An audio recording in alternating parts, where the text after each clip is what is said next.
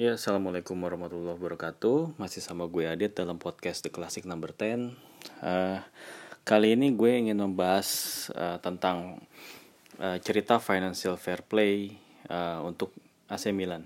Ya, uh, di tengah-tengah uh, persiapan AC Milan dalam menghadapi dua pertandingan terakhir uh, Serie A musim 2018-2019 menghadapi Frosinone dan kemudian pekan selanjutnya atau pekan terakhir menghadapi Spal ya AC Milan diberitakan ya sedang menyusun rencana terkait dengan financial fair play mereka nih. Nah, sebagaimana kita tahu ya AC Milan itu kan pada awal musim 2018-2019 itu kan sempat dihukum oleh UEFA ya lewat badan uh, apa namanya menangani tentang uh, financial fair play CFCB kalau nggak salah tuh nama badannya yang mana seharusnya karena pelanggaran terkait financial fair play yang terjadi selama tahun 2014 hingga tahun 2017 itu Milan tidak diperbolehkan untuk mengikuti kompetisi di bawah naungan UEFA pada musim 2018-2019 ini. Nah, itu uh, palu keputusan itu jatuh di tangan eh sorry pada saat kepemilikannya Yong Hong Lee.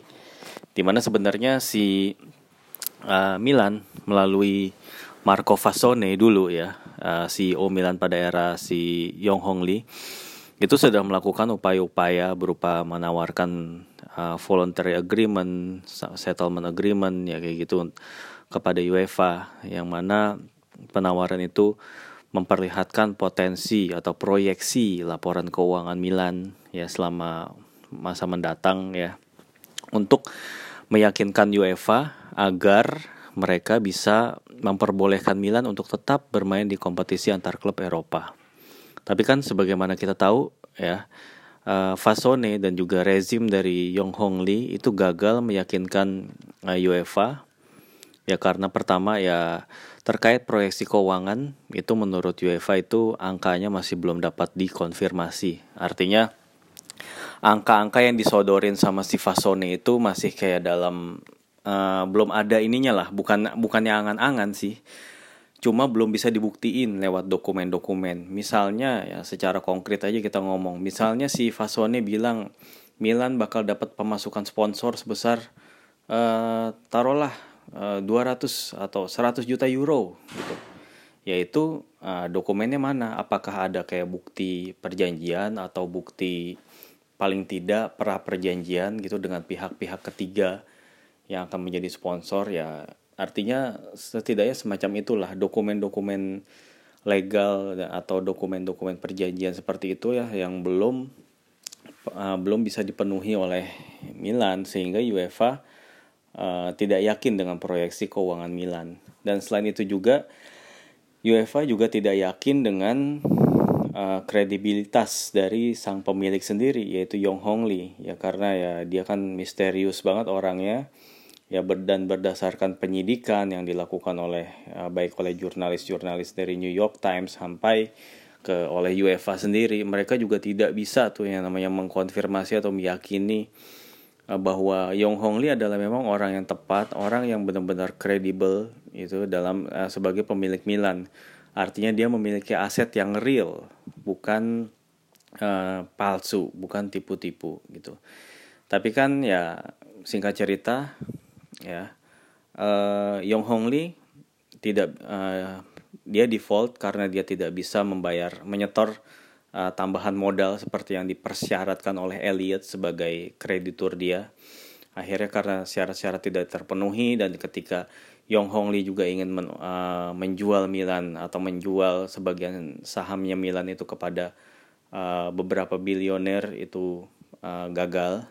Akhirnya ya mau nggak mau Elliot yang datang mengambil alih Milan dan Elliot ketika itu langsung uh, mengirimkan beberapa orang-orang orang-orang yang ahli lah, orang-orang terbaik lah untuk melakukan uh, banding kepada Badan Arbitrase Olahraga Eropa, yang mana kemudian uh, uh, banding kepada CAS itu atau kom Komite Arbitrage uh, Sport itu berhasil dikabulkan dan Milan akhirnya bisa mengikuti kompetisi antar klub Eropa. Ya dalam hal ini Europa League itu pada musim 2018-2019 ya tapi masih ada tapinya nih.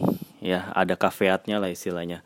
Uh, tapi uh, keikutsertaan Milan itu dan juga uh, apa namanya uh, di kompetisi Eropa dan di, uh, dibatalkannya sanksi itu tidak serta merta menjadikan Milan itu bebas dari rambu-rambu yang di yang di uh, yang diberikan oleh uh, financial fair play.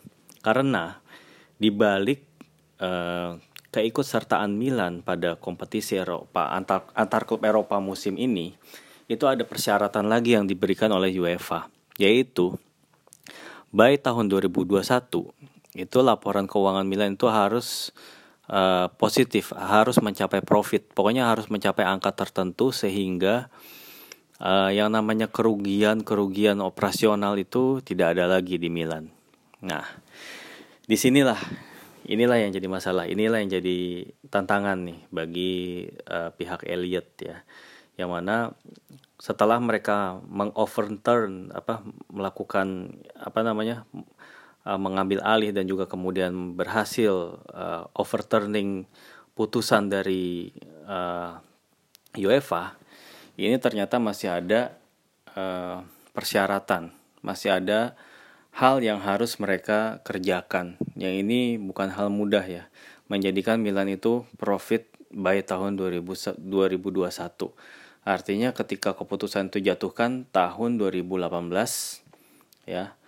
Uh, berarti Milan cuma punya waktu tiga tahun. Sepertinya inilah juga waktu tiga tahun inilah yang juga diberikan oleh Elliot dalam uh, ketika mereka menjadi pemilik Milan ya dan dalam tiga tahun ini mereka berkomitmen untuk meningkatkan value dari Milan. Dan satu-satunya cara untuk meningkatkan value adalah dengan membuat klub ini berprestasi mengikuti kejuaraan antar klub Eropa dalam hal ini Liga Champions ya yang mendatangkan banyak uang. Sehingga Milan itu mendapatkan uh, pemasukan-pemasukan yang besar dari hak siar dari sponsorship yang mana akan membantu tujuan mereka Selain untuk meningkatkan value bagi Elliot, tapi juga meningkatkan profitabilitas sebagai syarat yang tadi diminta oleh UEFA tadi. Nah, uh, sekarang situasinya ini agak berbeda, mulai terkuak nih, ya mulai terkuak ya. Uh, jadi ada berita dari gue baca di Football Italia tadi bahwa uh, apabila Milan gagal lolos ke Liga Champions mereka memilih untuk sekalian aja nggak ikut kompetisi antar klub Eropa daripada mereka harus mengikuti Europa League. Hmm, kenapa itu terjadi? Nah, ya setelah gue telaah lagi ya, ya ya teman-teman bisa mengoreksi apabila pemahaman gue salah ya.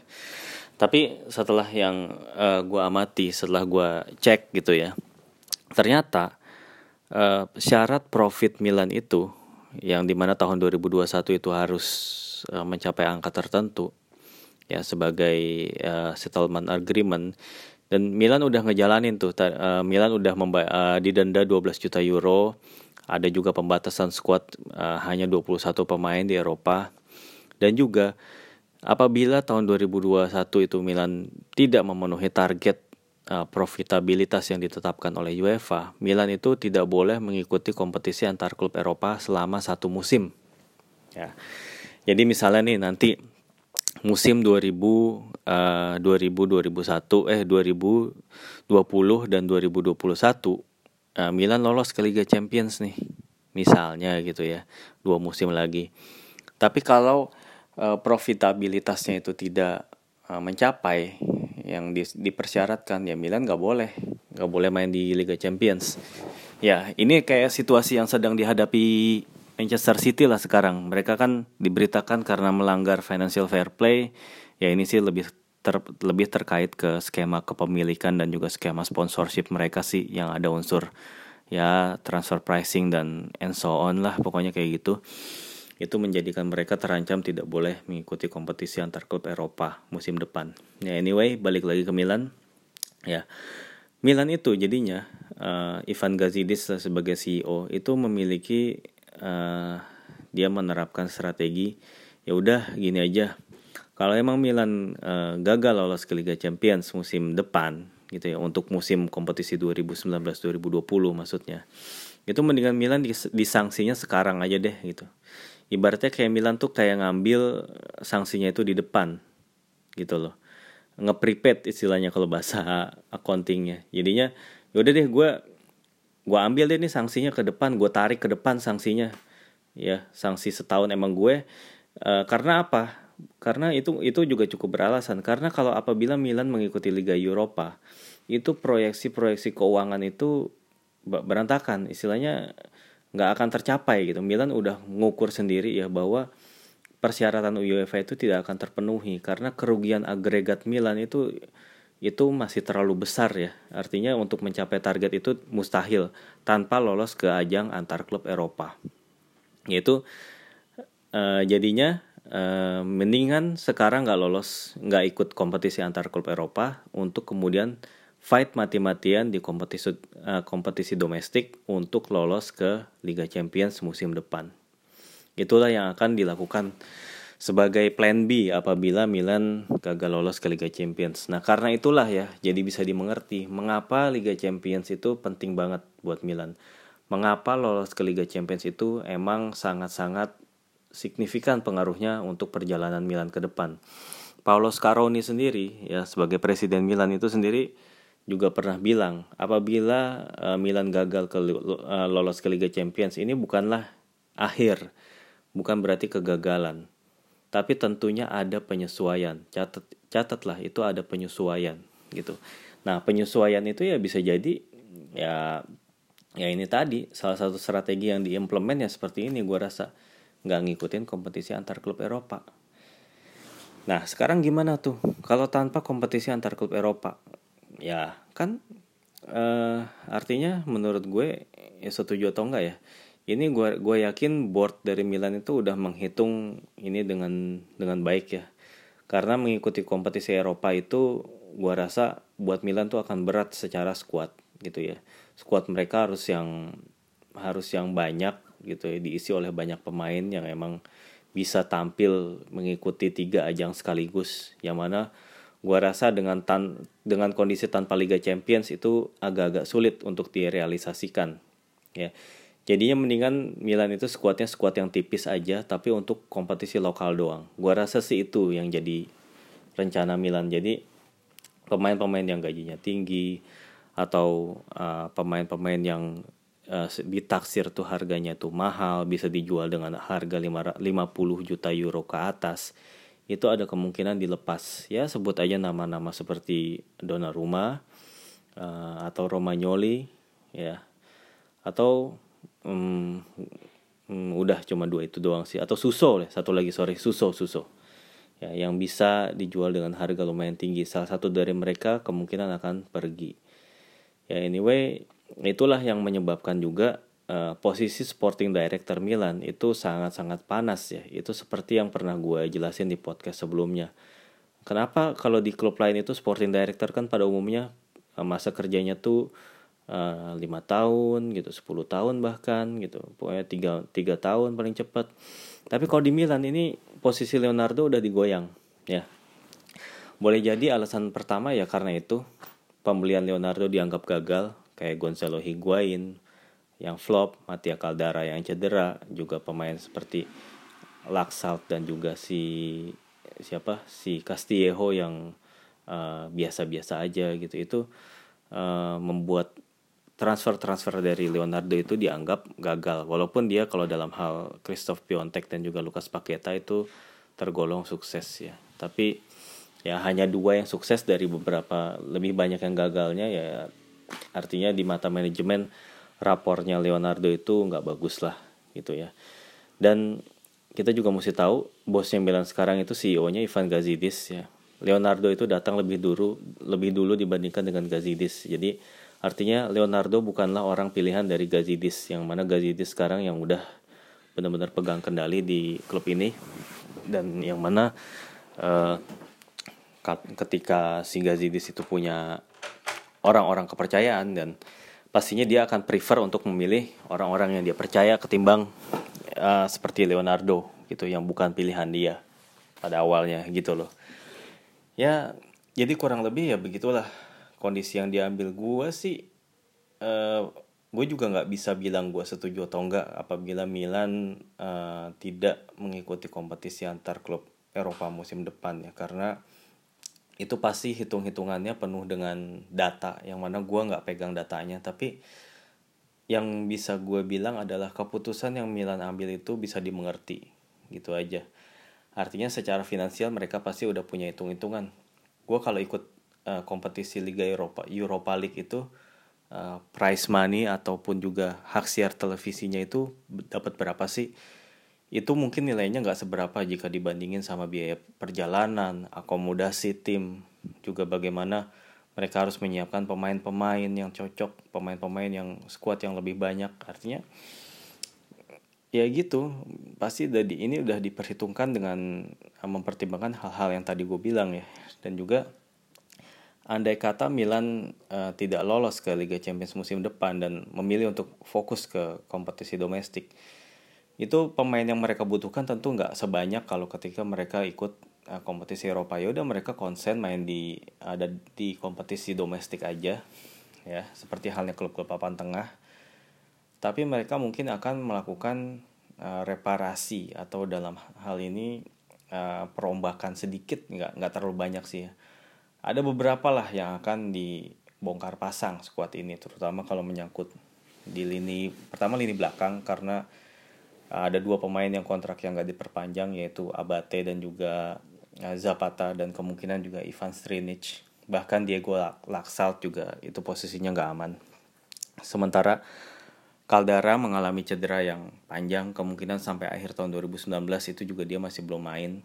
Artinya jadinya timbul kebutuhan dari Milan untuk mendatangkan seorang center back gitu loh Lalu kemudian di lini uh, tengah nih yang paling yang paling paling jadi titik lemah Milan dalam musim ini.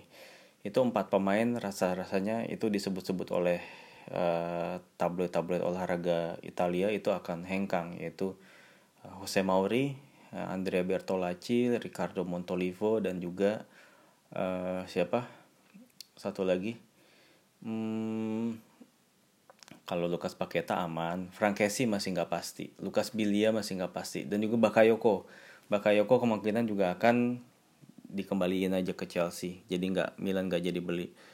Ya jelas kalau Milan gagal lolos ke Liga Champions nggak akan punya uang untuk membeli si uh, Bakayoko. Dan mungkin juga uh, berita tentang tidak dipermanenkan si Bakayoko ini ya mungkin ya ini gue mungkin ini benar-benar pure spekulasi jangan dianggap serius. Mungkin ada hubungannya sama kedatangan Maurizio Sarri. Sebagaimana kita tahu Sarri ini kan ya di Chelsea dia dapat banyak tekanan dapat banyak protes uh, terlepas dari dia berhasil ngebawa Chelsea ke urutan ketiga dan ke final Liga Eropa dan juga final uh, Piala Liga ya. Tapi kan uh, ketidakpuasan pendukung dan juga presiden itu kan jadi faktor yang sangat uh, krusial lah untuk uh, membuat si Sari ini balik lagi ke Italia dan Milan adalah salah satu calon kuat ya selain daripada Juventus dan juga AS Roma.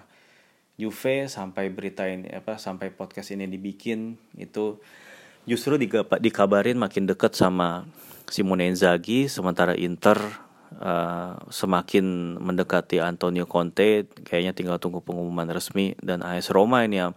AS Roma dan Milan nih sebenarnya masih belum jelas siapa pelatihnya musim depan. Karena ya kalau AS Roma ya itu bisa ada berita uh, tentang Sari juga. Selain itu juga ada berita mengejutkan ketertarikan mereka terhadap Allegri. Bahkan Marcelo Bielsa yang baru masuk juga rumornya Nah, sementara Milan yaitu tadi adanya ancaman sanksi financial fair play ini membuat manajemen masih kayak belum mau belum bisa bukan belum mau sih kayak belum bisa nentuin dari sekarang gitu pemain-pemain incaran belum ada pemain yang dipastiin bergabung kan. Dan itu juga karena uh, situasi financial fair play belum masih belum jelas dan itu juga uh, berpengaruh pada uh, kepentingan mereka dalam hal mengganti pelatih atau mendatangkan pemain baru. Dan posisi di akhir klasemen juga masih belum jelas. Artinya Milan ini benar-benar harus nunggu sampai kompetisi selesai sebelum mereka ngambil langkah yang mana ini juga akan kemungkinan Milan juga akan kebagian dalam tanda kutip sisanya doang. Artinya ketika klub-klub lain udah dapat pelatih bagus, uh, skuad yang bagus, ini Milan ada tanda ada indikasi atau ada uh, kemungkinan persiapan menghadapi musim depan itu akan sedikit terganggu.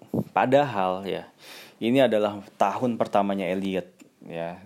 Ketika mereka uh, benar-benar pegang kendali secara penuh ya. Bahkan sejak musim uh, dimulai, belum dimulai, musim baru belum dimulai. Musim lalu itu Elliot uh, menjadi pemilik Milan setelah uh, di akhir kompetisi tapi juga itu udah kalau nggak salah bulan-bulan Juli ya. Itu udah udah mau mulai liga kompetisi baru sehingga mereka juga masih belum belum bisa maksimal untuk ya memperlihatkan kecakapan mereka lah gitu untuk dalam hal mengelola klub. Ya kurang lebih kayak gitu aja sih apa namanya uh, situasi Milan dalam hal financial fair financial fair play. Ya kenapa ini masih udah kemarin disanksi kenapa bakal ada disanksi lagi? Tadi gue udah jelasin dan apa yang apakah uh, tadi juga gue dijelasin apakah setuju atau enggak tentang langkah Milan untuk absen dari kompetisi antar klub Eropa dan memilih untuk main di liga domestik aja sambil uh, bekerja keras untuk lolos ke uh, eh sorry untuk menduduki posisi empat besar di klasemen akhir Liga Italia. Itu udah gue jelasin semua tadi. Ya dan kurang lebihnya memang itu aja sih situasi yang ingin gue uh, share ingin gue bagi informasinya. Karena kali-kali aja masih ada yang belum uh, paham ya. Sebenarnya gue juga di di buku. Sorry ini sebenarnya gue gua nggak ada maksud untuk promosi buku. Tapi gue cuma bilang gue uh, di buku gue yang Last Story 2 itu ada satu bab khusus tentang financial fair play. Tapi ya ini bahasan yang di podcast kali ini ya ini lebih diperkaya aja dan juga disesuaikan dengan kondisi terbaru ya. Oke kurang lebihnya gue mohon maaf apabila ada salah-salah kata atau salah-salah data atau bahkan salah-salah analisa ya. Boleh ditanggepin boleh di mention gue ya apabila emang ada yang ingin disampaikan ya. Sekali lagi kurang lebihnya mohon maaf. Wassalamualaikum warahmatullahi wabarakatuh